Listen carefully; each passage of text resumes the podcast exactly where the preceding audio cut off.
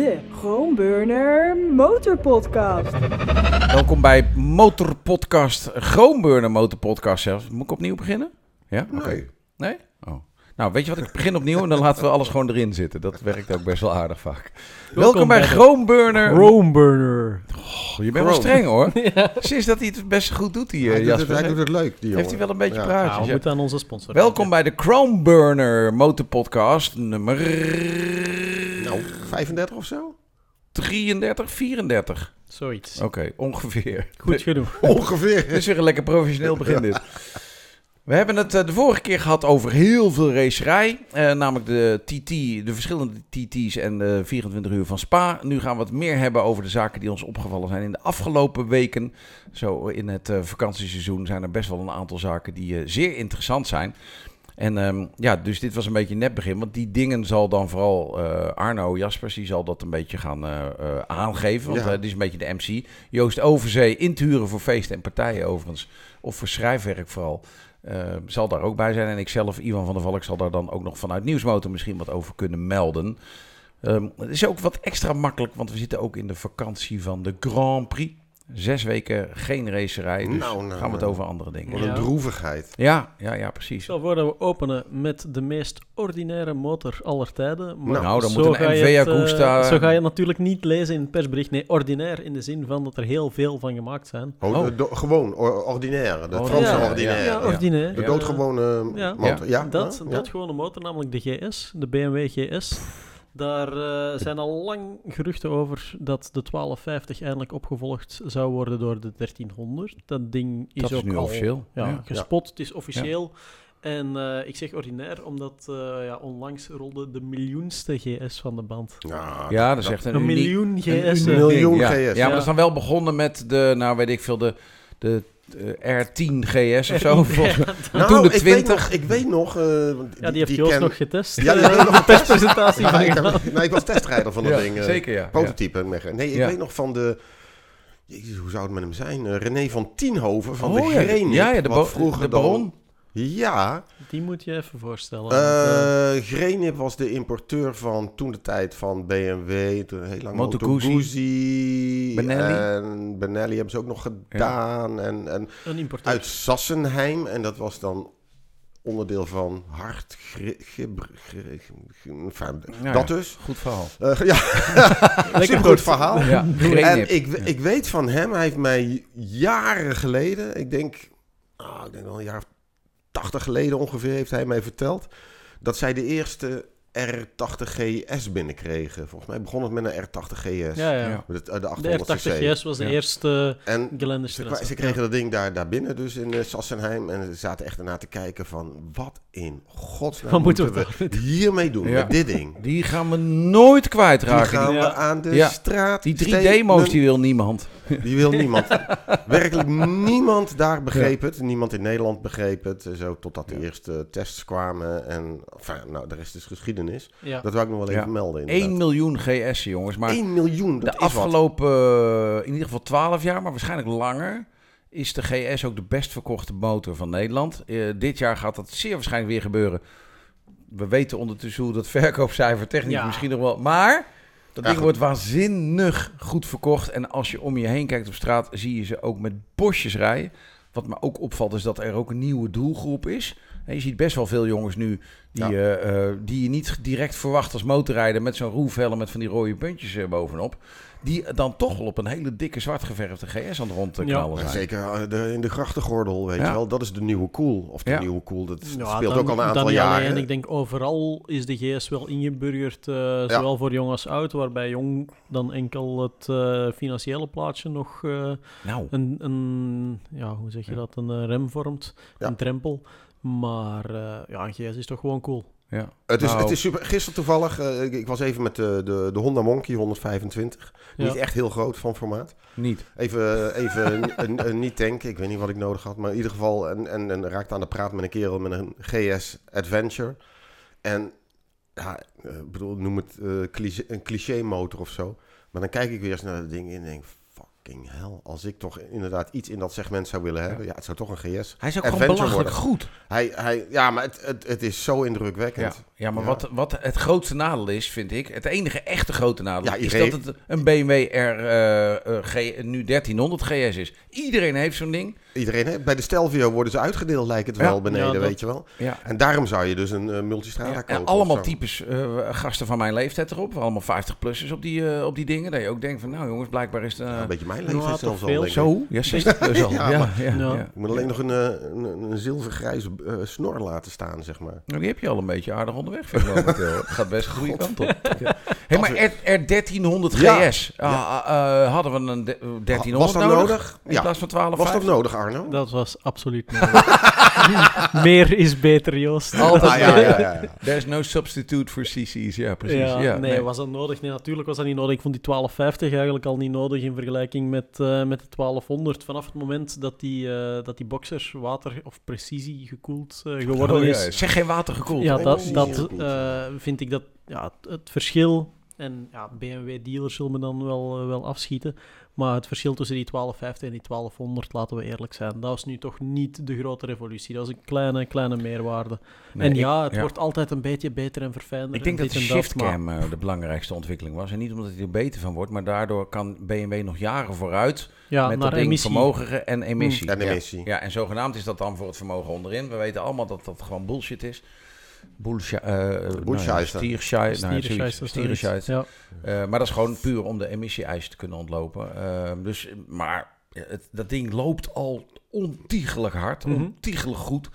Ik, ja, elke keer weer als ik op zo'n ding zit en ik zit er best wel vaak op dat ik denk, coleren, was het Ja, fiets zo goed. Ja. ja het Echt is- waar. Het is, je zou anders willen bijna. Schandelijk. Ja, Ja, ja. je zou bijna anders Ja. willen. Het enige wat ik... eh, Nou, de R1290 of de 1290's van eh, KTM, nou die komen dan een beetje in de buurt. Maar verkooptechnisch, ja, is een dat fractie ervan. Ik durf bijna te zeggen dat die multistrada op alle gebied, behalve verbruik, beter is. Maar ja, inderdaad, naar verkooptechnisch... Ja, maar Nou, met, met nee, een nee. GS, met een GS is, eh, dat, daar is iets mee aan de hand. Ja. Dat, dat, dat is wat Honda vroeger hadden, dat, eh, dat, eh, dan is het goed Thuiskomen. gevoel. Dat thuiskomgevoel.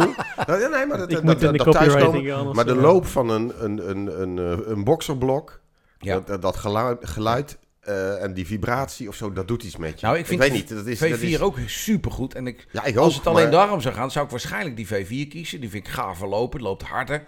Die eh, kost alleen het dubbel. Die kost alleen veel Of het meer. en veel. alles dingen eromheen heeft BMW. Ze doen het niet voor niks al een jaar of veertig met dat Ja. ding. Mhm. En dat mis je wel eens bij eh, Ducati. Dat je denkt, ja jongens, had over dit soort kleine dingetjes net even wat beter nagedacht. Mm, ja. Onderhoudstechnisch, eh, pff, dingen die goed of makkelijk snel werken. Daar is BMW nog net wat handiger in vaak.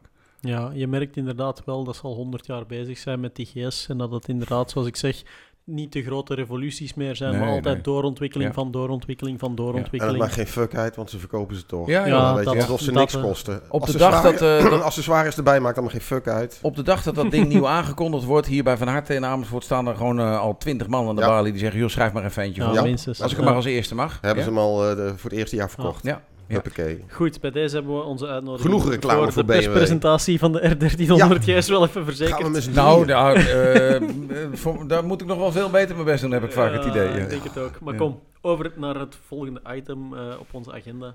De Honda NC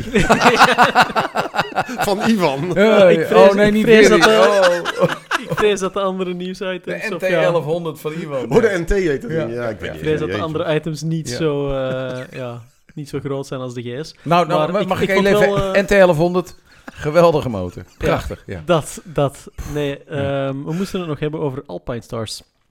Zeker. Alpine Stars is het kledingmerk dat we ondertussen al kennen. Ehm, ja, die doen heel veel, ook in de MotoGP, heel veel in de sport. Eh, Die maken airbags. Ze zijn een van de weinige merken die een eigen airbag eh, heeft. En nu gaan ze ook helmen produceren. Klopt. Nou, eigenlijk is dat niet helemaal correct. Ze maken al langer crosshelmen. Ja, En dat gaan ze nu ook in de straathelmen doen. Daar gebruiken ze dezelfde aanvliegroute. Eh, Echt best wel een, een rare manier van werken. Ze bouwen eerst een helm, die gaan ze helemaal homologeren. Eh, Mhm. En tegenwoordig is dat niet zo makkelijk, vooral met de FIM-keuring die er op de straat op zit. Eh, of op- de circuits op zit. Mhm. Ze gaan eerst daar een aantal toprijders mee uitrusten. Dat is best wel heel grappig gedaan. Die rijden er dan een maand of drie, vier mee. Iedereen ziet dat dat een Alpine Stars helm is. En langzaam maar zeker beginnen mensen, ja, maar verdomme, ik wil ook zo'n ding. Ja, en dan komen ze er pas mee. Ja. Ze komen nu met 200 zeer gelimiteerde dingen. Er zijn ook binnen drie seconden zijn die dan allemaal al uitverkocht. Die zijn al uitverkocht, ja. En dan gaan ze daarna met het standaard model komen. Nou, zeer waarschijnlijk zijn mensen dan geïnspireerd door dat hele aanloopje, dat ze die dingen ook willen gaan hebben. Alpine Star zegt ook dat ze ook nog met andere straathelmen gaan komen. In ieder geval een flip-up. Dus, eh, of een systeemhelm eh, zal dat Een dan politiehelm. zijn. Een, ja, inderdaad, waar gaan wij heen, meneertje? Ja, dat, ik dat niet zien. Ja, precies. Dus, ehm, eh, dus, dus uiteindelijk, Alpine Stars stapt in helmen. En ik vind het best een bijzondere move. Want tegenwoordig kan elk helmenmerk helmen maken die er kwalitatief goed uitzien en goed Ja. aanvoelen. Weet je, we hebben het al eens vaker gezegd. Vroeger had je een, ma een was er op een gegeven moment. Mijn god, die dingen leken wel gewoon van wc-papier. Ja, je, hebt ook wel eens Ja. je hebt ook wel eens gezegd inderdaad, van vroeger kocht je een helm van 200 gulden. Dat was een K-helm. ja, ja. En nu koop je voor een, eh, nou ja, 200 euro. Dat is een beetje echt de onderkant. Maar in ieder geval voor Ja. 300, eh, 400 Ja. euro koop je helemaal geen beroerde helm. Helemaal Nee, nee, niet. Die- echt wel nee, ja, deftige dingen kopen. netjes Oké, ja, zo het topmodel Arai of Shui, whatever, Ja. daar ben je nog altijd dik 1000 euro aan kwijt. Ja, deze, Maar, eh, ja. deze Alpine Stars willen dus zich direct in dat segment gaan Ja, mengen. Eh, en dat doen Oh, ze dan wacht. gewoon op, op, op eh, de desirability. dus. Ja? Op mensen willen graag een Alpine Stars helm. Eh, dus daar konden ze best eens een end mee gaan komen. Dat, eh, nou, het knappe is dan ook, er er zijn maar weinig merken die echt van top tot teen motorrijders kunnen eh, voorzien van Ja. materiaal. Met inclusief helm, inclusief laarzen, inclusief alle soorten van kleding, inclusief motocross, inclusief enduro. Eh, ja, het is eh, Alpine Stars die toch wel een beetje eh, de ja, daar heeft wereldmacht aan Alpine is. Stars toch wel een unicum op, denk ik dan. Ja, ik denk het ook wel. Ja, je zou, wel weer je zou nog eens kunnen zeggen. Ja. voor, eh voor Denise en AGV, wat eigenlijk toch wel één Zit- pot nat is. Ja, zit wat in. Maar ja. ehm, Ja. Ik heb nog wel een tijd gereden met een Dainese helm. met een Dainese helm Oh, echt? in die Een jaren... Dainese helm. En sterker nog, laatst had ik voor een artikel nodig, omdat het 25 jaar R1 is dit, dit jaar. Ongeveer, ongeveer dit jaar, maakt allemaal niet zoveel uit. Sterk, sterk, Joost. Het ongeveer jubileum van de Yamaha R1. Zo ongeveer. en eh toen, toen zat ik dat oude artikel te kijken in 1997. En dan rijd ik gewoon op die introductie van die eerste Met een R1 Dainese met een Dainese helm. En dat was natuurlijk een, Een rebranded AGV. weet ik veel wat voor een ding. Maar Ja, toen ja. was het al, toen Ja. was er al een vertegenwoordiger. Die kwam al vaak in Amsterdam van Dainese, van de fabriek. Eh Brunetti, het, eh, Joost, Zie. I give you a head-to-toe treatment. en dat was prima, maar ja, we Ja. zaten wel in Amsterdam om de hoek bij, dus was Ja. een beetje gevaarlijk wat hij zei Ja, en zo. ja. Maar, eh, maar nee, eh, toen heb ik inderdaad toen met een Dainese gereden. Hebben ze nooit doorgezet eh, en zo, maar, Ja. Ja, maar als goed. je, als je de- gaat dus het is al gebeurd eh, als je een gaat keer. kijken op de helmenmarkt, er zijn wel zo ontzettend veel merken. Ja, waarom zou. Al, waarom zou. Alpine Stars dat dan willen doen, weet je? Omdat dat kan, denk ik. Eh, die hebben gewoon gerekend. En, en eh, kijk, ze, eh, e- eerlijkheid gebied mij te zeggen, er zijn een aantal helmfabrieken in de wereld. Er zijn geen miljoen helmenfabrieken, er zijn wel een Mhm. miljoen helmenmerken. Dus je kan Ja, zelf dat. wel eh, uitvogelen dat dat ergens gewoon uit een fabriek vandaan komt. Alpine Stars zelf zegt, dit zijn helmen die wij zelf ontwikkelen en maken. Dat geloof ik ook wel, Mhm. maar dat wordt ergens ondergebracht. Eh, ja, uiteindelijk is marketing alles. Ik bedoel, voor een, eh, een zonnebril met een O erop aan de zijkant betaal je 120 euro. Voor exact diezelfde zonnebril, die eh, ho- 100% hetzelfde lijkt, betaal je 12 euro. Ik bedoel, en dat zullen zij dan ook gaan doen. Mensen willen het ervoor gaan geven. Nou, dan, Ja. heb je hele aardige marge. Toch vind ik dat er meer aan de hand is dat je niet zo snel mag afschrijven. Want ik weet bij de bekendere helmenmerken, vanaf het moment dat die FIM-keuring ingevoerd is, ehm, ja, dat was toen ook in de MotoGP, dat sommige jongens effectief van helmsponsor moesten Nee, veranderen. klopt. Of Ja. dat de helmsponsor een helm moest inkopen bij iemand anders en met stickers erop beginnen Ja, dat is echt rondrijden. gebeurd, ja. Ja. Ja, Gewoon omdat er echt bekende helmenmerken Ja. waren die hun helm niet FIM gekeurd Ja, kregen. ja. Dus daar is dan toch wel iets aan het handje. Dat is toch wel een redelijk strenge norm, mag je dat toch Mm, veronderstellen? Ja. Beroerde is dat, is echt... ja. dat is relatief, maar Er zijn het, zes het is een norm waar niet iedereen zomaar aan kan voldoen. Nee, dat is waar. Maar En er zijn, er zijn zes verschillende helmenkeuringen waar eh, je je helm op moet aanpassen. Dat is Mhm. het probleem een beetje. Dus als jij door de FIM-keuring wil komen, is dat prima te doen. Maar hij is nu alleen eh ECE 2206 en DOT eh, Ja. gehomologeerd. En dus die FIM-keuring. Maar dat kan maar zo betekenen dat je een andere helmkeuring ergens niet doorkomt.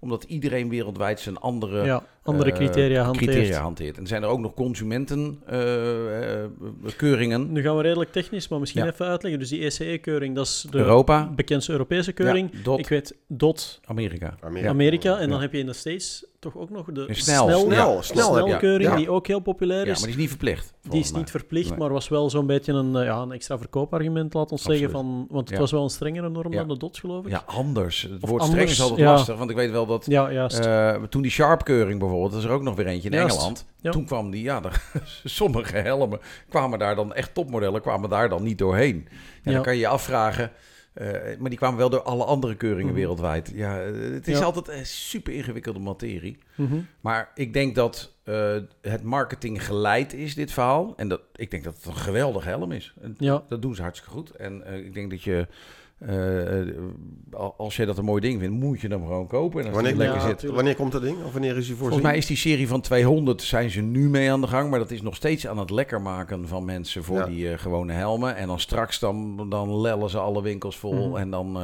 nou ja, dan schijnt het bedrag rond de 800 piek te zijn voor zo'n ik, ding. ik heb al iemand op een startgrid gezien. ja, nou, daar staat Grids wel. Moto 3, Ja. Moto Ja. 2 of zo. Dat Ja. weet jij misschien beter. Daar heb ik ze nog niet gezien. MotoGP, ik- volgens mij rijden er al wel twee jongens mee. Eh Moto 3, Moto 2 nog niet, maar MotoGP wel. Ik, ik heb hem Ja. ergens Ja. iemand Maar- gezien. Maar goed, dus het heeft gewerkt, ook bij mij. Ja, dat klopt. Ja. Eh, in de Moto 3 rijden bijvoorbeeld nogal wat jongens met MT-helmets. Ja. Of, eh, nou, dan denk je, MT-helmets. Ja. Ja. wordt in Nederland over. Ik stel me spontaan de vraag Ja. of eh Chromeburner binnenkort ook Oh, Alpine Stars gaat verkopen. Want Helemaal daar moeten we wel eventjes rekening mee houden. Zo zie je maar Ja. dat wij helemaal niet, eh, Alle redactioneel, zijn super. helemaal niet redactioneel gebonden zijn aan Nee, bepaalde ja. content. Ja. Maar ehm, ja, als ik dan voor Nou, mezelf spreek... ja. Als ik voor mezelf spreek, en ik weet Joost, jij rijdt ook heel veel met Arai, je hebt ook heel veel Ja. met Arai gereden. Ehm, als we nu losstaand van alle keuringen, eh, komen, of zijn jullie ooit vast ook wel bij helmbedrijven geweest? Hebben jullie ook wel eens de beka- bekende test met eh, Ja, ja, ja. de helm die ze laten Ja. vallen en weet ik veel wat? Heeft iedereen al wel eens gezien? Eh, op internet zijn er ook tal van filmpjes waar ze met de voorhamer losgaan op een helm.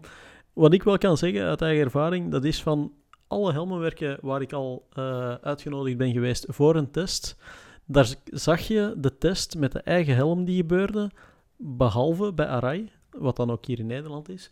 Ehm, daar gingen ze wel zo ver van te zeggen van kijk, en nu nemen we eens een helm van helmmerk A, een helm van helmmerk B, helmmerk C Ja. en onze eigen Arai en gingen ze dan bepaalde testen uitvoeren. Ja. En toegegeven, dat kan ook nog allemaal Mhm. perfect geïnsceneerd zijn in het voordeel van hun eigen Arai. Maar dat heb ik wel nooit bij andere merken gezien. En dat choqueerde. Ik vond het heel frappant om te zien hoe daar dan, eh, ja, achter die bepaalde Japanse filosofie van het merk, dat er toch een zekere grond van Ja, waarheid punt is eh, bleek in te zitten. Ehm, eh, toch advocaat van de duivel dan. Ja, ja, het punt tuurlijk, is dus tuurlijk. dat er zo ontstellend veel testmethodes zijn. Ja. En daar zit het punt juist in. Daarom komen ze ook nooit op één wereldwijde standaard. ja, Omdat merk X zegt, ja, maar onze helm die kan je 43 keer op een bolvormig met radius eh, 21 balletje laten stuiteren en dan blijft hij heel. ja. En de ander zegt, nee, dat moet je niet doen. Dat moet, eh, nou, eh, aan de onderkant moet je hem eerst, eh, weet ik veel, een goudvis erin loslaten Ja, ja, ja, en dan bla bla bla bla. Iedereen heeft een enorm verhaal. Ja. Waarom? Nee, maar daarom, daarom, Ja. komt ook, daarom komt ook het, het meest gevraagde artikel in de hele motorpers. Helmettests. Ja. Komt dat nooit van de grond. Nee, ik ga ook... Dat ik- komt nooit ja. van de grond. Ja. Ik bedoel, wij, we hebben in, bij de bladen hebben we al jaren, jaar in, Ja. jaar uit. Ja. In het verleden dan of zo. Van, joh, wanneer doen, jullie- doen jullie eens een helmettest? Ik ga het niet doen. Gaat helemaal niet doen. Ik ga, Ja. nee, Dat nee. is En ik vind ook- onbegonnen werk, maar dan moet je TNO inschakelen. Ja. Daarom komt het uit Duitsland. Ja. De motorraad die kan zich dat Ja, permitteren. maar zelfs die test... eh, Zelfs die jongens doen Ja. dat niet. Maar dan is het nog, dan Nee. niet alleen. dan is het nog het is gewoon gissen. bovenal ook zoiets persoonlijks een helm kopen. En ik denk dat, dat we daarbij wel even reclame mogen maken voor Chromeburner, waar je deftig advies krijgt in een winkel van hoe moet zo'n helm zitten, Ja. hoe moet dat aanvoelen. En vooral heb jij een bepaald type hoofd dat beter past bij de ene helm of de andere. Ja. Als ik dan ja, weer voor mezelf spreek, sinds kort heb ik voor, de, e- voor de eerste keer in tien jaar inderdaad een vierkant helm. nee, heb ik eh, Een vierkant, de- wat leuk. een, eh, een Shoei eh, XSR Pro, het, ja, de Marc Marquez helm om het dan maar Mhm. zo te noemen. Die heb ik voor het eerst in test. En dat is de eerste helm waarvan ik zeg van oké, ja, afwerkingsgraad zit voor mij op hetzelfde niveau van de tophelmen van Arai. Uiteraard zit de prijs dan ook weer op dat Mm, niveau. Ja. Maar daar merk ik wel van dat die, eh, die pasvorm, die zit mij niet slecht, maar niet even goed als, als bijvoorbeeld bij... een- Ik bij HJ, toch eh, bij HJC eh, om een of ja. andere manier zit heel goed. Eh Arai, ik spreek nu over de helmen standaard uit de- zoals ze uit de doos komen. mm, Inderdaad, bij Shoei kan je dan ook perfect eh, verder personal gaan fitting. door Ja. die helemaal Ja. op maat laten maken. Net zoals dat je dat bij de meeste, ik zal ze maar even de 1000 euro helmen eh, noemen. Daar kan je altijd wel ja, andere pads laten insteken, et cetera. Maar ehm, ja, dat. Dat. Om maar aan te Ja. geven Waarom dat rij jij al advies in de winkel ook zo belangrijk is. Ja, pasvorm. Pasvorm, ja, dat is voor mij ook. Ik zet Ja, het ding op en... eh, het is, het is maar- waar ja, we het net ja. over hadden. Maar dat is gewoon, niet te eh, testen het- dus. het- het- het- waarom Dat is ik- heel ja. moeilijk te testen en zegt weinig over de effectiviteit, Hebben jullie wel een efficiëntie Ja. bij, bij een Jij crash. rijdt ook met andere helmen, hè? Ik, eh, ik gebruik Merk jij van alles veel een verschil in geluid? Ja, Want ik word Ja. knettergek van het geluid Absoluut. Ik de heb, ik heb zo'n eh Shoei, model daaronder. Eh, onder, onder die ja, viaal. goede vraag. Dan mogen Ja, de mensen nu zelf even gaan allemaal. Ik zou wel eens een stille helm willen hebben, maar dat is die nooit is- gelukt. En die is vergeleken met alle Arais is die gewoon stiller. Oh, echt? Die is Ja. gewoon stiller Ja. en, en ventilatie is Want ik rij met die een- gele oorpluggen in, weet je wel. Van die, Ja, ik ook, eh, ja, ja, precies. Maar, en die ventilatie is werkelijk waanzinnig. En toch Ja. mis ik iets in die pasvorm. En, Ja. en Dat is Ja. een van de redenen waarom ik naast mijn integraalhelmen, waar ik eigenlijk wel het liefste mee rijd, vaak ook nog eh, ja, een Schubert politiehelm heb. Ehm, het is nu toevallig, ik ben vandaag hier gekomen met, eh, met die V-stroom even op en af naar Amersfoort. Dat is wel een eindje rijden. Maar meestal voor dat soort snelwegritten probeer ik die Schubert te dragen. Eén, omdat dat gemakkelijk is. Eh, bij het tanken kan ik hem openklappen. Moet ik niet eh, de hele bazaar van helm af naar binnen in het tankstation. dat je Dit, dat. Maar ook gewoon omdat het een hele stille helm is. Schubert, die, ik weet niet hoe ze het doen, maar naar isolatie, geluidsisolatie toe, is dat met een, klap, met een klaphelm. super stil. Ja, super stille klaphelm. Een Vind ik- Schubert klaphelm, maar dan gaat iedereen ook aan de kant voor je volgens mij. Ja, dat. Je moet hem natuurlijk wel in een fluo kleurtje kopen. en Want dan ik heb dan die gele bijhorende- rij die er staat, zeg maar. Dat is dan een of Ja. andere ander model. Ja, dat is Concept- Concept hipster, Concept eh, X, daar ja. zit eh, heel weinig op aan al die beluchtingsshit. En daardoor is die veel stiller. En dan heb ik zo'n racevizier met zo'n rubberen rand. Ja. Ja. Maar ik vind geluid echt wel een enorm ding. Ehm, en- en- maar ja, aan de andere kant, ik blijf dan Ja, toch trouw aan het merk. Dat, dat- ik weet ook niet waarom, maar dat... eh, Ja, het, is, het is, ja, maar goed, wij krijgen het spul aangeboden. Ja, weet dat scheelt maar ook, Als ik, ja. als, ik, als ik, zoals de consument, zeg maar, als ik een consument bij, daar zijn ook consumenten bij. Maar als ik consument was, als ik consument was, gewoon een motorrijder, en moest betalen. dan zou ik ook gewoon een helm voor 400 euro kopen. Ik vind veel ik vrees, helmen, van, ik eh, vrees ja. van wel, Ja. en weet Ja, je ik wel. heb voor- er ook een hoop in, eh, in dat segment getest. En dan kwam ik bijvoorbeeld uit bij een HJC, Ja. waar dat Maar je wat- ziet... Wat test je dan? Of die goed zit? Nee, dat, ja, zo, zoals je zelf aanhaalt, hetzelfde Ja. als bij motorfietsen. Hè. Echt, ehm, het zijn geen wetenschappelijke tests in een laboratorium. Eh, dat absoluut Maar- niet. Maar het gaat dan meer inderdaad over pasvorm, geluid, Maar het gewicht, belangrijkste dat van een helm is toch de veiligheid. En die kunnen wij toch niet testen? Dat vind ik het punt. Ik denk Ja, precies. Dat is een heel moeilijke, maar daar, past mooi, daar, kan je dan wel, daar kan je dan wel verder gaan op de bepaalde eh, normen die gehaald worden of niet gehaald Ja. worden. Ja, dan Ik zou je denk- ik denk alle zes testen zou je dan die normen erbij Exact. moeten vermelden. En dat doe je dan. Oké, ja, ja. Want ik vind zelf vaak pasvorm bijvoorbeeld. Ja, mijn hoofd past toevallig Ja. goed in een arij. Dat zegt meer over mijn hoofd dan over die arij misschien. Ja. Al hoor je wel heel veel mensen Dat is ook daarover. een kwestie eh, van voorkeur, want die Shoei die ik heb of zo, die gaat dan, Tuurlijk. die zit super, die zit dan een beetje zo, maar een Arai heeft altijd dat hij ook helemaal dit omklemt. Ja, de Ja. ene houdt ervan, de ander niet. Hetzelfde verhaal bij die AGV Rossi helmen. Hè. Fantastisch mooie helmen. Heel veel mensen die zo'n ding bezien als het summum kost ook ontiegelijk veel. Ehm, ja, een heleboel mensen die hem gewoon niet eens op, op, op hun hoofd krijgen. En ik zelf ook. Ik krijg dan zo een eh, van AGV heb ik zo'n prachtige helm toegestuurd gekregen. systeemhelm zeker. Nee, nee, nee. Oh. Niet, eh, niet de supermodular, eh, niet de sportmodular, maar eh, echt de, de ja, Pista of Corsa. Nu haal ik ze doorheen. ja. Volgens Ja, mij heb ik zo'n carbon twee, ja. Pista. Dus echt een gigantisch dure helm. Echt mega chic ding. De Rossi helm. 1300 Ik euro kan hem niet langer dan 20 minuten ophouden, want dan word ik gek. Oh. Echt waar. Dat is Nee. gewoon niet uit te houden, omdat die pasvorm niet goed te krijgen is. Want ik heb, Hij Ja, hem ja. bij mij gepast, hij gebruikt hem omgekeerd en dan houdt hij de vis in. Dat. Ja. Nee, je kan inderdaad met het binnenwerk kan je wel dingen aanpassen, maar op een bepaald Ja, niveau zijn er zaken die je echt niet meer goed krijgt. ik vind het ook die- wel heel droevig inderdaad, want ik krijg altijd koppijn bij sommige helmen. Of tenminste bij heel Ja, snel. dat is zo'n klassieker van gevoelig. vooraan. Ja. Ik vind het ook wel heel droevig als je een nieuwe helm koopt en dan word je dan aangeraden van ja, dan moet je maar een schroef draaien. Moet je die bovenste, Moet je erop drukken. die, Ja, die die Ja. moet je dan. Dat, ja. Godverdomme, Ja, zullen we nou Ja, dat krijgen? heeft Shoei goed voor elkaar, want die personal fitting, Ja, dat is maakt best bij veel verschil. dealers. eh, dan wordt hij op maat, maat gemaakt, want bij andere merken kan je het wel op maat krijgen, maar dan moet je allerlei ingewikkelde wegen eh, bewandelen. En dat heeft Shoei gewoon super supergoed geregeld. ja. Eh, Dat, dat vind ik echt knap. Ja, zijn er nog helmenmerken die we hier aan het overslagen Ja, zijn, die ook belangrijk ik. zijn? Ik zie Nolan X-Lite, zie ik dan... eh, ik, ik heb hier nog een X-Lite, maar dat is meer eh, voor... eh, X-Lite, dat is lang Waar geleden. uh, Aleis? KYT? KIT? Ja. Wat is dat KYT? Ja. dat is inderdaad een, eh, NHK. een goede vraag. hè. NHK. Daar rijdt Bo Bensnijder mee. Dat is een En- Indonesisch merk. Precies. En het grappige is... KYT komt ook uit het Verre Oosten. Ja, daar heeft ja, Xavier ja. Simeon heeft daar nog een tijd Maar in mee NHK, gereden. daar is een eh, soort van, van zijn team een soort eh, potje als replica van. Ik denk, die ga ik bestellen. Dus ik eh, moet je op de Indonesische site dan.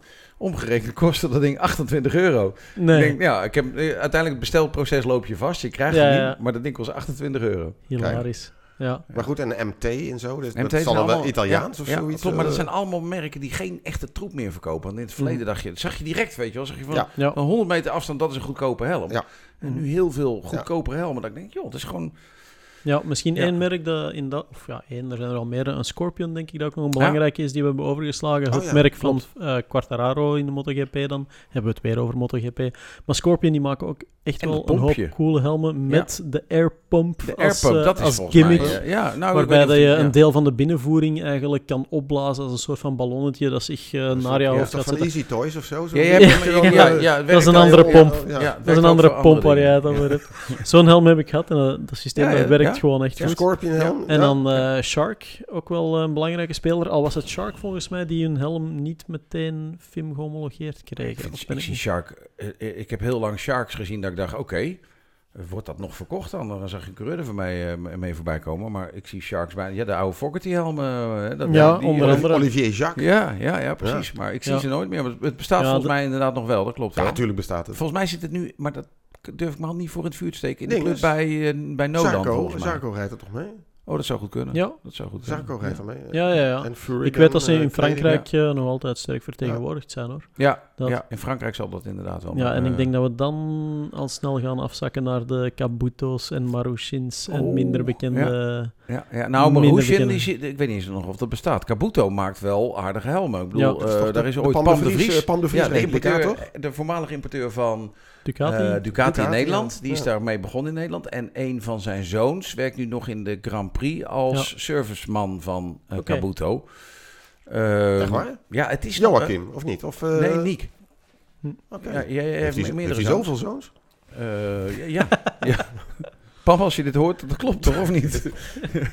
Misschien nog even terugkomen op de helmen. Oh ja. LS, LS2, dat is ook een merk Oh ja, LS2. Wat, eh, Ja. wat in België Jeetje, wel dat eh, zo- serieuze opmars aan het maken Dat is. is ook zoiets, want dat is nou, Giga. een jaar of vijf geleden. Toen kwam LS2, ik- tenminste ik was op de EICMA.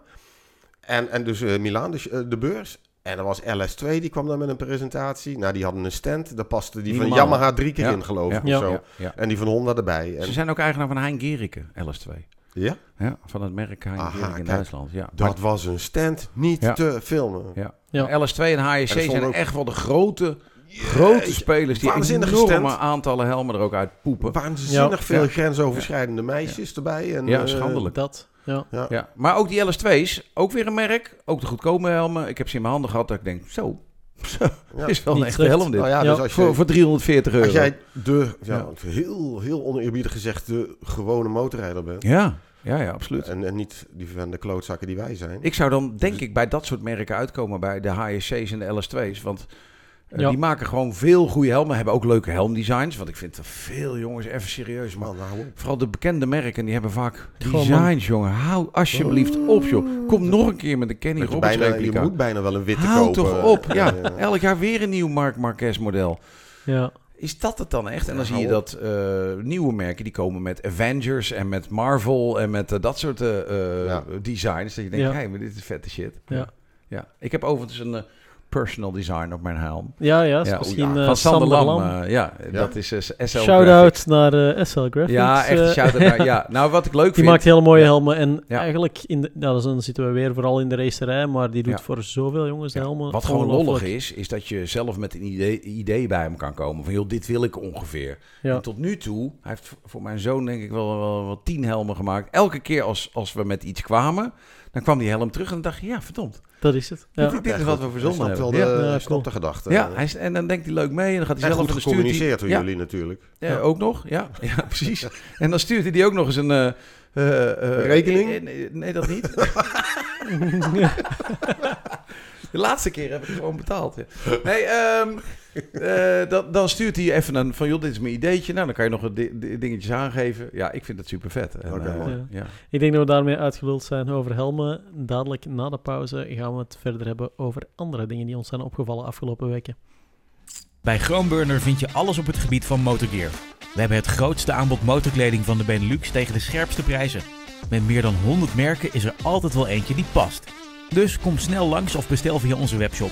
Je vindt ons langs de A59 bij Nieuwkuik of natuurlijk via groenburner.nl. Groenburner Motorgear. Fun starts here. Goed dan, volgende onderwerp op de lijst nadat we het eh, tijdens de pauze nog gehad hebben over die Oostendaatse helm. eh, gaan we verder met eh, Ivan Cervantes. Ivansen? Wie? Ivan Cervantes. Oh, Ivan Cervantes. Cervantes? I- Ivan Cervantes, ja, Ja. die heeft eh 4000 kilometer geknald Oh. op 24 uur. Echt een heldendaad tot en met. Ehm, Ja? nu ga je na... Ja, ik vind, Wacht het wel, ik vind het wel. Vier? 4000 kilometer op 24 uur. In 24 uur. En ja, ik weet dat je snel kan hoofdrekenen, Joost, Ja. maar dat komt dan uit op gemiddeld per uur. 166. Ik denk, als, even, ik kan heel we, snel we hebben het op voorhand door de 0,666 rekenmachine gehaald. Ja, 166,666 per uur. Op de A2 hier gewoon. eh, Nee, nee. Op de A2 bij Amersfoort. Nee. Nee. Nardo. Dat heeft hij gedaan op de Nardo. Nardo. Ja. Oké. Ge- dus- gewoon al het idee dat iemand 24 uur aan een stuk op die ring kan rijden. Nee, hij heeft ook wel pauze genomen, dat soort shit natuurlijk. Dus Moet uiteindelijk natuurlijk wel poepen af en toe en Ja, zo, eh, poepen, dat- slapen. Hij heeft volgens mij nu al even een power nappy gedaan en zo.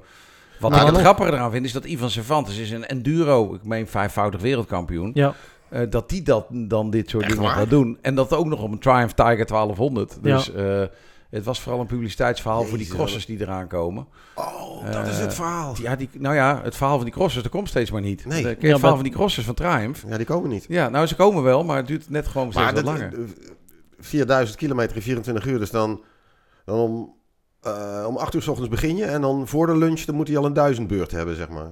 Eh, Ja.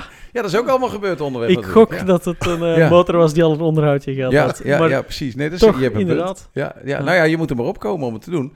En we hebben natuurlijk nogal wat avonturiers gehad die eh, dat een aantal landen deden in eh, 24 uur.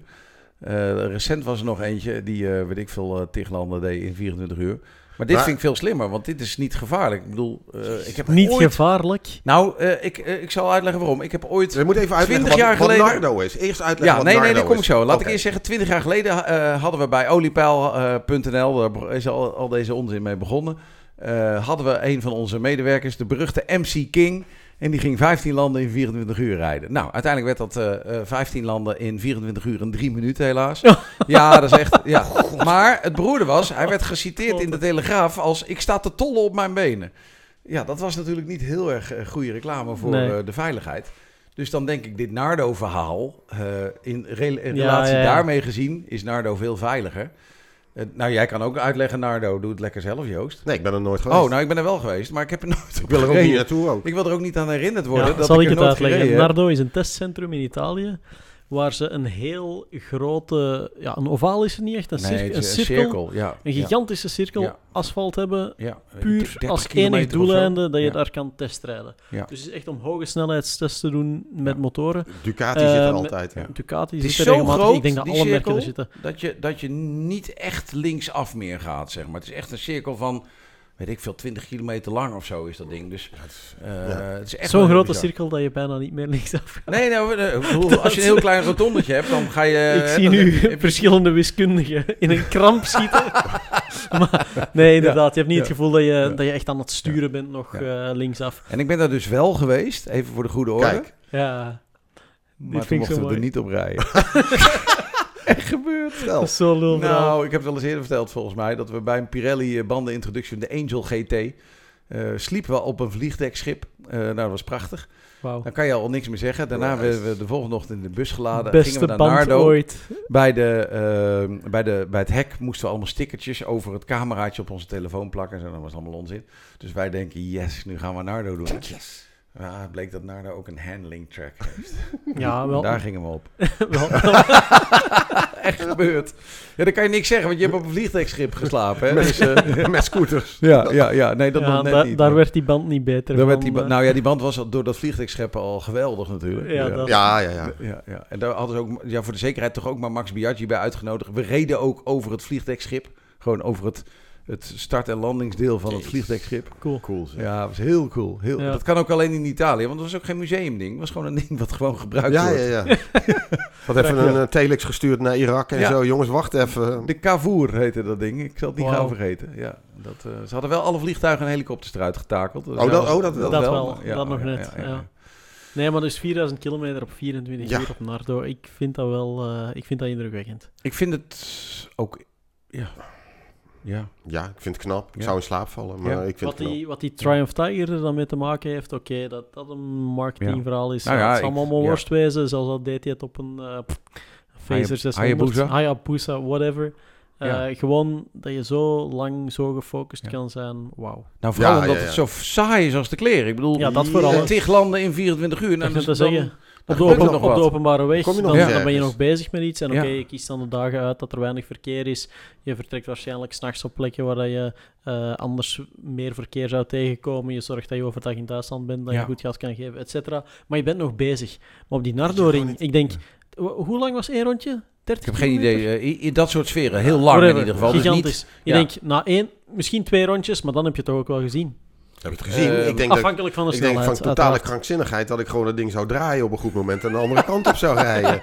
Van, Nee, van- dus, ik zei al, er zit amper bocht in. Ik begin plots te denken over hoe een grote tank zou je op een Hayabusa of een H2R Ja? kunnen krijgen. Ja, nou, want Om daar toch maar zo snel mogelijk, zoveel mogelijk te en kunnen trouwens, rijden. want zo'n Triumph is natuurlijk ook niet al te zuinig, denk ik. Ja, in één keer lijkt 4000 kilometer op 24 uur toch niet zo heel veel meer. Nee, maar dat is allemaal Oh, net. hij is de Nardo Ring is 12,6 kilometer. 12,6.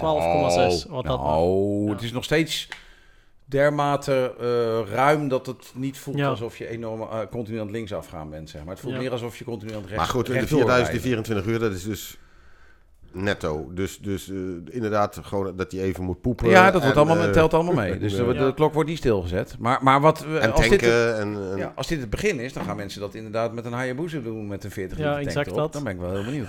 Ja. Dan wordt het echt... eh, ja, ik vind Ja. het indrukwekkend en ook, ook uitzonderlijk zinloos. Maar goed. eh, Zal ik het bruggetje slaan? ja, heel, ja, Doen. doe, doe, Stel doe dat, stel dat je nou eh, een motor zou nemen, Triumph, dat die daarmee zou komen, die zeer waarschijnlijk heel weinig benzine verbruikt. Ja. Hey.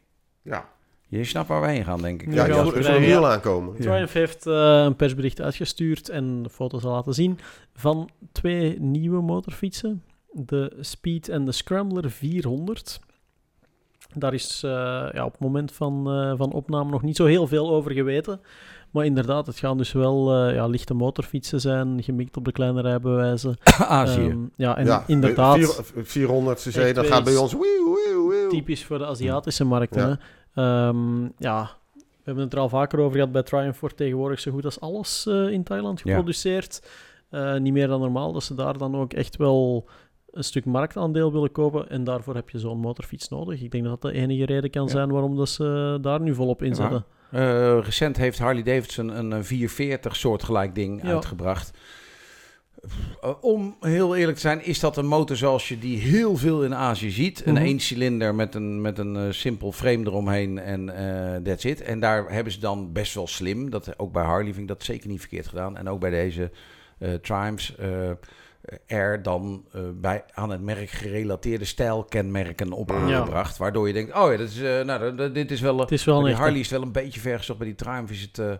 eh, nou, het lijkt wel echt een Triumph, zeg maar. Je denkt, oh, dat is wel een Triumph. Dan wel een hele goedkope Triumph. Nou, dat klopt ook wel, want ik denk dat dat ding misschien 3.000, 4.000 euro kost daar. ter Daar. Ja, dat is daar wel een vermogen natuurlijk. Maar, ja, dat zie je eh, dan het dubbel. Ja, nou, driedubbel misschien wel. Driedubbel. Want ik denk, ik kan me zelfs voorstellen dat ze ze niet eens officieel naar Europa willen hebben. Mhm. Want Mhm. eh, dit is, doet, zo'n ding doet natuurlijk afbreuk aan je merken, maar je kan het niet aan allebei de kanten hebben. Je kan niet zeggen, eh, we verkopen de ultra luxe MV Agusta's en ook een serie Rosso. Nee, je hebt of eh, stoere Harleys en dan kan je niet met een 440. Ja. Dat imago, dat hebben ze eerder geprobeerd, dat heeft niet gewerkt met die Street eh, serie volgens mij. ja, van Harley Davidson Van Harley bedoel je? De Ja, ja, Harley. ja, en, met Triumph, ja, ja, ja, ja. en met Triumph is dat hetzelfde, Ja. denk ik. Als je met Triumph gaat komen en zegt, kijk, dit is een Bonneville. Eh, ja. Ja. en hij kost 2800 euro. Dat gaat in Azië fantastisch werken, hoop ik. Want dat, eh, Mhm. het is voor die merken natuurlijk de boeien waar ze straks op gaan drijven. Want, eh, de, de markt daar blijft alleen maar groeien. Maar hier denk ik dat je zo'n model wel verkocht zou krijgen. Tuurlijk. Maar ik weet niet of het goed is voor je merk. Ik denk het niet. Hm. Ja. Ja. dat, ehm, Harley heeft daarnaast dan ook bijvoorbeeld nog een aantal tussenmodelletjes ingezet die dan wel zouden kunnen. Hè? Die 350X en eh, 500X. Nou, dat zou dan beter kunnen, maar dat zijn Ja, wel misschien- veel duurdere motoren met twee cilinders. Misschien zou het in België nog iets beter doen dan in Nederland. In Nederland kan je het vergeten. Dat sowieso. Want die Nee, dingen worden, zeker met die achterlijke BPM, dat wordt alleen maar nog Ja. duurder. Misschien Ja, dat in België. Inderdaad, bij ons heb je nog het prijsargument, maar dat terzijde denk ik dat sowieso dat soort motoren, dat gaan nooit de grote verkooptoppers worden. Hè? Nee. Nee, dus dan zou je kunnen afvragen als merk, maar we gaan zien wat het merk daar zelf van vindt. Ga je dit soort modellen naar Europa brengen en daar verdien je dan wat op, maar hoeveel betaal je aan merkimago wat je inlevert? Mhm. En hoeveel minder van je grote modellen ga je daardoor verkopen? Mhm. Ik bedoel, uiteindelijk doet het er, aan één kant altijd ergens pijn. Ik bedoel, je kan niet alles, alles hebben, dat zit er gewoon niet in. Ja. Nou, dat. Ja, dat, Ruim dat- 400. Ja, ik, het is wel een ontwikkeling die heel lang stilgestaan heeft. Want Harley kwam eigenlijk een beetje in die scene als eerste daarmee. Nou, toen is dat hele circus gaan draaien met die reorganisatie. En die vent, eh, de baas eruit geschopt. Ja. En eh, toen kwam dat ding opeens helemaal niet meer. Nou, opeens zijn zowel die, die 350 en 500 er en die 440 in China. Dus uiteindelijk is die route wel doorgezet. Ja, en ook voor Triumph gold al heel lang van we gaan dat, want dit ding wordt gemaakt bij Bajaj in India. En het grappige daarvan is dat Bajaj voor 49% eigenaar is van KTM. Je, ja. Dus daardoor kwam op een gegeven moment ook van, nou, weet je wat, als je nou toch al je Triumphs in, Tha- in eh, Thailand bouwt, ehm, ik kan me voorstellen dat als Pierre een bod doet en Bloor junior, eh, Nick Bloor, eh, zegt van jongens, een half miljard of weet ik veel op de bankrekening. Hier, Stefan, hier heb je het hele spul. Dat gerucht werd toen opeens heel sterk. Dat is weer wat afgezwakt nu Pierre met MV bezig is. Maar het zou zomaar kunnen. Ik bedoel, eh, het- zit dat je, je je lichte motoren al laat eh, fabriceren bij een bedrijf wat eigenaar is van een van je grote concurrenten, namelijk KTM. Ja, je moet nergens Ja. van staan te kijken. Ik bedoel, dan zou, dan, zou je bijna gewoon een... Je suggereert bijna gewoon een lichte Triumph met een KTM eh, Nou ja, dat, 93 ja, blok erin. Ja, dat kan niks. allemaal. Alles Dat zou kan- mij niks verbazen. Dat zou niks nee, Nee, kan nee, allemaal. Toch, om nog even terug te komen op onze markten hier, hè, op eh, ja, waarom die motoren het niet zo goed doen bij ons. Ik snap wat je wil zeggen van het doet afbreuk aan het werk, maar tegelijkertijd vind ik dat dat niet zo zou hoeven te zijn. Want als je nu kijkt bijvoorbeeld bij Royal Enfield, daar heb je dan die, die Hunter en die Meteor 350 die nu uitgekomen zijn, wat, laten we eerlijk zijn, ook puur modellen zijn voor de Aziatische markten. Maar dat rijdt niet eens zo verkeerd. Ik denk Nee. het enige argument dat er in de Benelux is tegen zo'n motoren, en dat geldt dan voor heel Europa, dat is die prijsstelling. Dat die dingen hier zo overpriced zijn ten Ja. opzichte van motoren met dubbele cc's, dubbele power, Ja. betere afwerking, Ja, maar jij gaat nu op het rijargument in. En ik denk dat de meeste veel motoren, en vooral in Harley natuurlijk, niet te maken hebben. met- Er zijn mensen die hebben Ja, tatoeages van een Harley dat op het over-. En dan staat er zo'n frikandelletje, eh, zo'n 440 X1 cilinder. Ja, daar kan, Dat- ik, daar kan ik in komen, maar je moet denken dat Harley Davidson is niet alleen het merk voor de mensen met de tattoos. En dat gaat, geldt voor alle merken. Hè. Er zijn net zo goed mensen met Ducati en Yamaha tattoos, whatever. Maar die, die zijn er ook. Die willen natuurlijk ook nieuw cliënteel aantrekken. Ja. En voorlopig lukt dat in de Benelux niet echt, omwille van meerdere redenen. Hè. Je hebt die rijbewijsdrempel die gigantisch is. Je Mm. hebt eh, in België dan nog verplichte kledij, wat eh, weer financieel toch ook een serieus hap uit het budget kan zijn. Ehm, en die motorfietsen zijn volgens mij vooral te duur. Nee, maar daar heb je een punt. Want er- Dat is, dat is het hele punt. Het gaat niet zozeer over die motorfietsen op zich. Want die dingen rijden echt wel goed. En ik zie niet in waarom dat iemand Nou, daar niet kijk, mee zou gaan rijden. Plus, plus buiten natuurlijk... het feit dat het zo duur is. Want de genoemde Hunter 350 en die Ja. Meteor eh, 350. dat is een heel ander merk. Is een heel Nee, ander nee, nee, merk. maar- Maar, maar- om maar even de lijn te trekken tussen... eh, of dat nu een Harley Davidson is die zoiets maakt, of een Triumph die zoiets maakt, of een, pff, een Ducati goed, die eh, een 350 gaat nee, maken. maar gewoon, ik bedoel het even gewoon in verhouding tot, eh, tot Harley Davidson. Ik Ja. bedoel, die Meteor en die dinges, die dinges dus. ehm, drie- de ding is 350, eh, Hunter, u weet wel. Nee, maar dat is een Royal Enfield. weet ik veel. Die, eh, maar dat is Royal Enfield en die maken er geen geheim van. Die willen Nee. zich alleen maar Ja. richten op één markt, 350 tot 650. Daarom komt er ook nooit een, 7, eh, of een, een 900cc eh, Interceptor of wat dan ook. Vergeet het maar. Zij willen in die markt zitten. Dus in zoverre hebben zij zich niets om voor te schamen Nee. of wat dan Mhm. ook. Wat natuurlijk bij een Nou ja, dat Harley heb je. Davidson. Ja, Harley Davidson met de Livewire Ik hetzelfde. weet niet of Ik bedoel, Indian ook zo'n ding heeft. eh, of de gemiddelde monteur, ik ben wel eens met zo'n eh, met zo'n ding geweest bij een, eh, bij een Harley dealer. Nou, die monteur die had helemaal geen zin in dat ding. Hij zegt, ik wil mijn handen niet eens eraan vies maken. Maar ja, het mot. Er zit heel veel merkimago bij motoren. En als je dan zo'n heel licht dingetje naast zet, of die dan goed stuurt ja, waar of zet je goed in, rijdt. waar zet je ik in de showroom? Nou, dat begint is, het, ja, daar begint het al ja, mee, in het je kinderhoekje. Kijk, dat is leuk. We hebben ook een ballenbak. Daar staat ook die 440. En over die prijs, ik heb het idee dat die vaak enorm opgeblazen wordt, wordt onderweg. Want ik kan bijna gewoon niet geloven dat een motor die 2800 euro kost in India, dat Mhm. die in Nederland 8000 euro moet Ja, kosten. hetzelfde met die BMW's ook, hè, die 310 GS. Exact. Ja, ja, ja, Exact. exact dat. Ja, en daar zeggen dealers ook van, ja, we verkopen er wel een paar, maar eigenlijk in het begin vooral, en na een tijdje wennen klanten eraan, en als dat bij Harley lukt of bij Triumph lukt, is dat prima. Mhm. Maar bij, in BMW is het ook gewoon een moeilijk geval. Ja, we hebben ook van die drie, ja, die hebben we wel, maar lastig, lastig. Lastig, lastig, Ja. lastig. Ja, het is niet waar je trots op bent, waar je zegt, kijk nou, dit is, eh, hè, goh, Ja. we hebben, ik heb nou wat je. misschien is het wel zo, ja, nou, wel de jonge spul in de zaak staan. Ja, ja. Ja, in, dat in dat opzicht misschien nog eventjes eraan koppelen. Een van de jongens bij mij die is nu toevallig met eh, de 450 SR gaan rijden. Waar ik niet moto. zo heel lang geleden zelf ook een toertje mee ben gaan maken. Ehm, ja, daar heb je eigenlijk wel een interessante situatie, vind ik. Want die 450 SR van CF Moto, dat is gewoon een goed ding. Dat is een Chinese motor die er vooruit komt. Wij zijn Chinees, Chinees merk, alles Chinees. En dat ding rijdt ook gewoon echt En er heel zit gewoon goed. een KTM in. En daar is niks op aan te zeggen. Ja, zit een KTM in, ook daar weer. Ja. Dat kan je zeggen. Ja, het is... Ja, dat is eh, prima. Ja, ja. ja, maar dat is een heel Kan- ander verhaal, vind ik hoor. Ik vind dat eh, als je eh, het hierover hebt en dat vergelijkt met een Harley... interessant, omdat dat imago daar Ja. niet aan hangt. En dat het dan Nee. wel ja, dan heb je geaccepteerd meer wordt, zo vrijheid, gezegd. maar het is Ja, het een de of ander. Moto heeft Ja. ook geen imago. Nee, Exact dat. nee, nee. Mhm. Ik vind MV Augusta altijd het mooiste. Die, op een gegeven moment gingen die de ultra-exclusieve kant op. Eh, elke motor kostte minimaal 50 mil.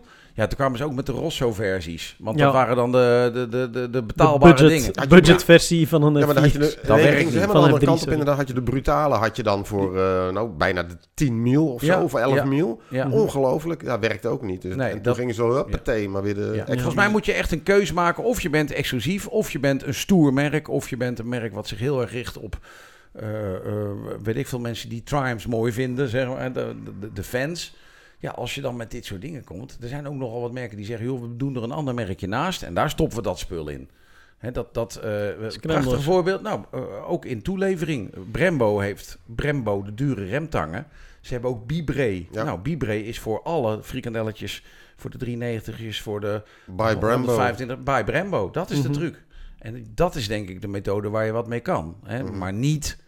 Of het lijkt mij sterk dat je met een 400cc 1-cilinder het merk van Triumph niet erodeert, eh, zoals dat dan zo mooi, of, of Ja, ja. uitholt, zeg maar. Dat, dat, dat, nou, dat. Goed. Laatste onderwerpje. Goed. Ehm, Dank je. ja, heb je, Drink wat van me. Ik heb goed nog wat water. Ja, lekker Mooi zo.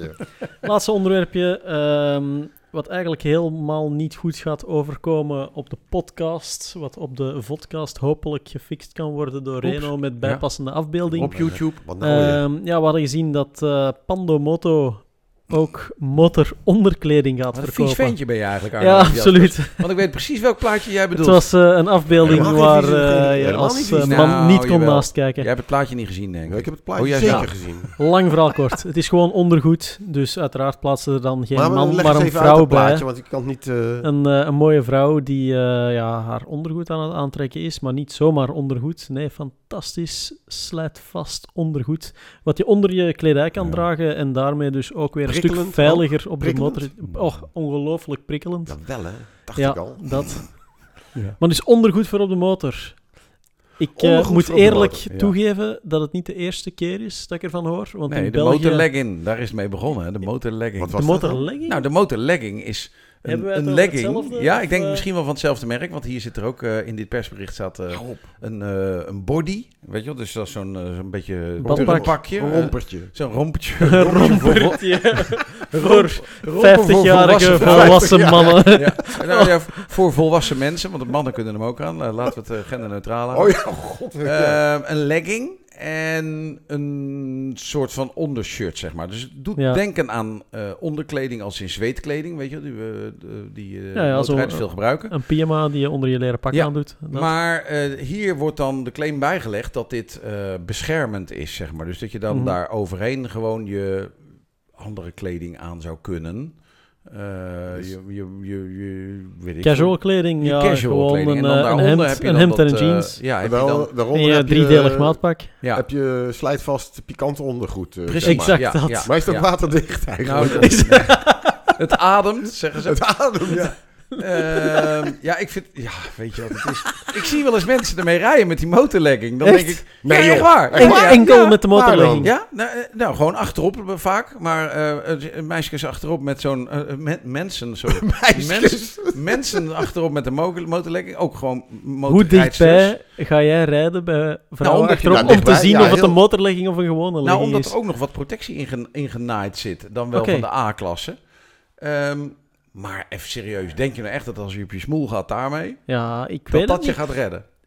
Ja, Interessante maar vraag, want ik heb weet, je- in België hebben we ook zo'n merk, hè? Botex heet het dan. En ik Botex? heb, ik Oh, heb dat er is van, nooit, eh, ik heb er Rousseau is nooit iets eh, van gedragen, omdat ik Botex. het echt niet... Ja, Zo'n romper zou je wel goed staan. ja, Ja, dat nee, denk ik dan weer wel. Nee, bedankt. Ze hebben ook hetzelfde principe, een legging. Dus Ja. iets wat bedoeld is om onder je kledij aan te doen. Ja. Een soort van lange onderbroek die je dan onder je jeans aandoet. En een, eh, een lange t-shirt om onder Ja. pff, een trui Dat, of weet ik veel wat dat. te dragen. Maar het lijkt mij ten eerste zo oncomfortabel. Want het is dan wel met ja, Dyneema, snijvrije, snijvaste eh, vezels ingewerkt. Het moet volgens mij ook redelijk zwaar zijn. Maar vooral, en dan zeker nu in deze tropische temperaturen, gewoon niet uit te houden Ja, op ik de snap motor. hem ook niet helemaal. Het is iets wat je... Oké, ik ga motorrijden. Hm? Eh, eh, Oké, goed idee. Ik ga me aankleden. Moet ik eerst alles uit. Doe ik die shit aan. dan doe ik mijn gewone kleren er weer overheen, weet je wel. Ja. De grap is, ik heb gekeken naar de prijzen van dat spul. Het is zeker niet goedkoop. Dus voor datzelfde geld kan je eigenlijk gewoon een motorbroek en een motorjas kopen. Ja, ja. Ik ga, eh, ik Ja, herhaal market, het scenario. marketing oké, technisch is het dat natuurlijk ook gewoon. Hè. Het vervangt Ja, je wil- motorjas in je motorbroek. Dus ze Ja, moeten maar er ook... geloof jij dat echt? Ja, maar jij wil gewoon nee, met gewoon voor mensen die casual willen lopen. Ja. En die, en die Ja, maar met, vaak, het- met daaronder... vaak zeer eh, terecht eh, geen, geen fatsoenlijk eh, ogende spijkerbroek kunnen vinden. Ja. Wacht even, die moet je even uitleggen, denk ik. Ja, ik ben niet helemaal mee. Moet, moet ik je echt uitleggen? Nee, nee, maar ze waren in, ze waren in alle maten leverbaar. Dat ik, is ik, wel ik, zo. ik, ik- ik heb nog nooit een, eh, Ja. ik heb nog nooit een mooie spijkerbroek gezien. Motorjeans. Ah, motorjeans. Ja, dat bedoelde ik. Oh, oké, op die Oké, manier. oké. Oké, Ja, ja, die ja. motorjeans Jullie- tegenwoordig, dat valt toch echt wel goed mee. Hè? Ik Ja. rij zelf Ja. quasi constant. Als ik niet in mijn volledig leren pak rijd, rijd ik 90% Ja, heb van je mij wel eens horen zeggen, zo, oh Arno, wat heb je een leuke broek? Heb je daar leuke heb je dan, aan? daar Ja, heb je dan weer ja. een heel sterk punt. Ja, ja. Nee, ik er zit wel een beetje glijdende schaal in. Ik merk aan mezelf dat ik... eh, ik heb ook van die motorjeans, eh, dat soort spullen allemaal. In het begin zei ik, nou, ik ga never nooit met die joy rijden, joh. Even normaal, zeg maar. Kom bij dat je bij eh, persintroducties vind ik... Nou, moet er ook een beetje uitzien alsof je niet helemaal een imbeziel bent. Dus eh, eigenlijk... Een beetje norma- modieus. Ja. Normale motorkleding, maar oké.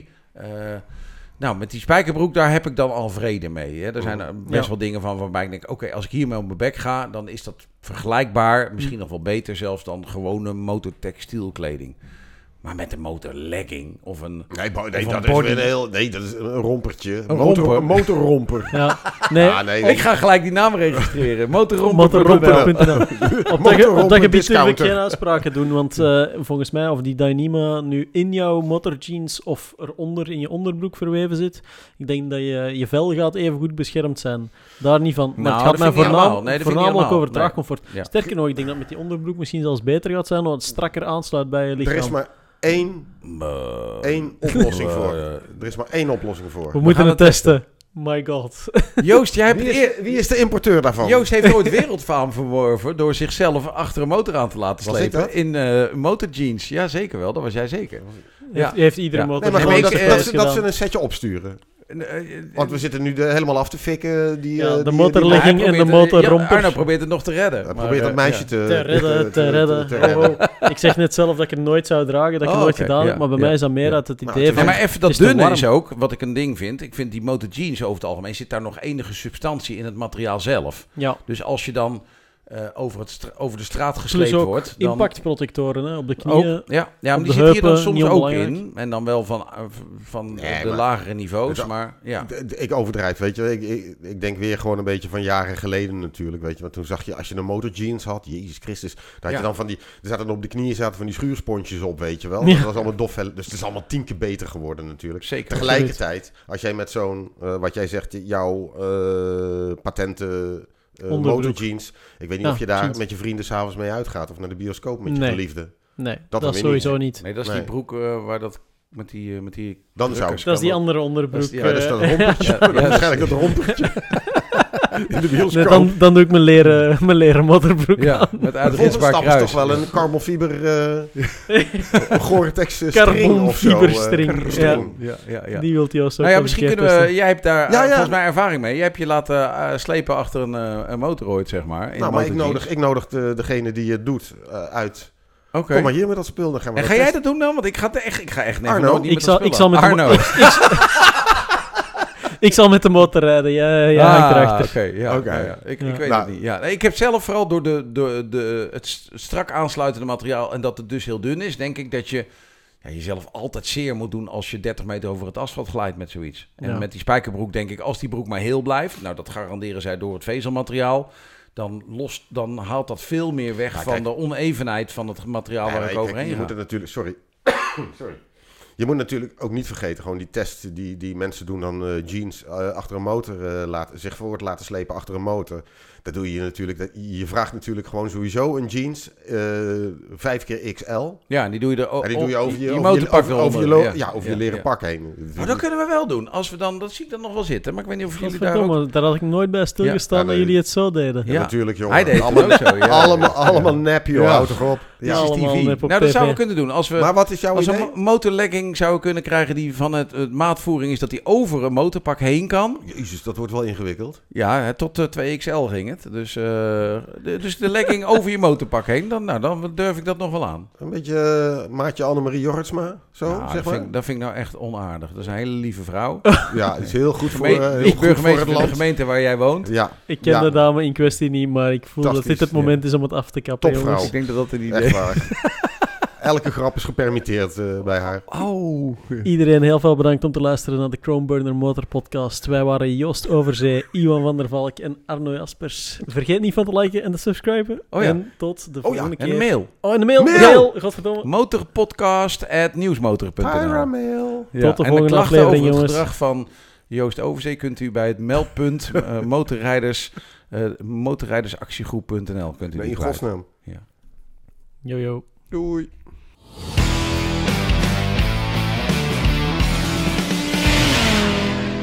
Dit was de Groenburner Motorpodcast.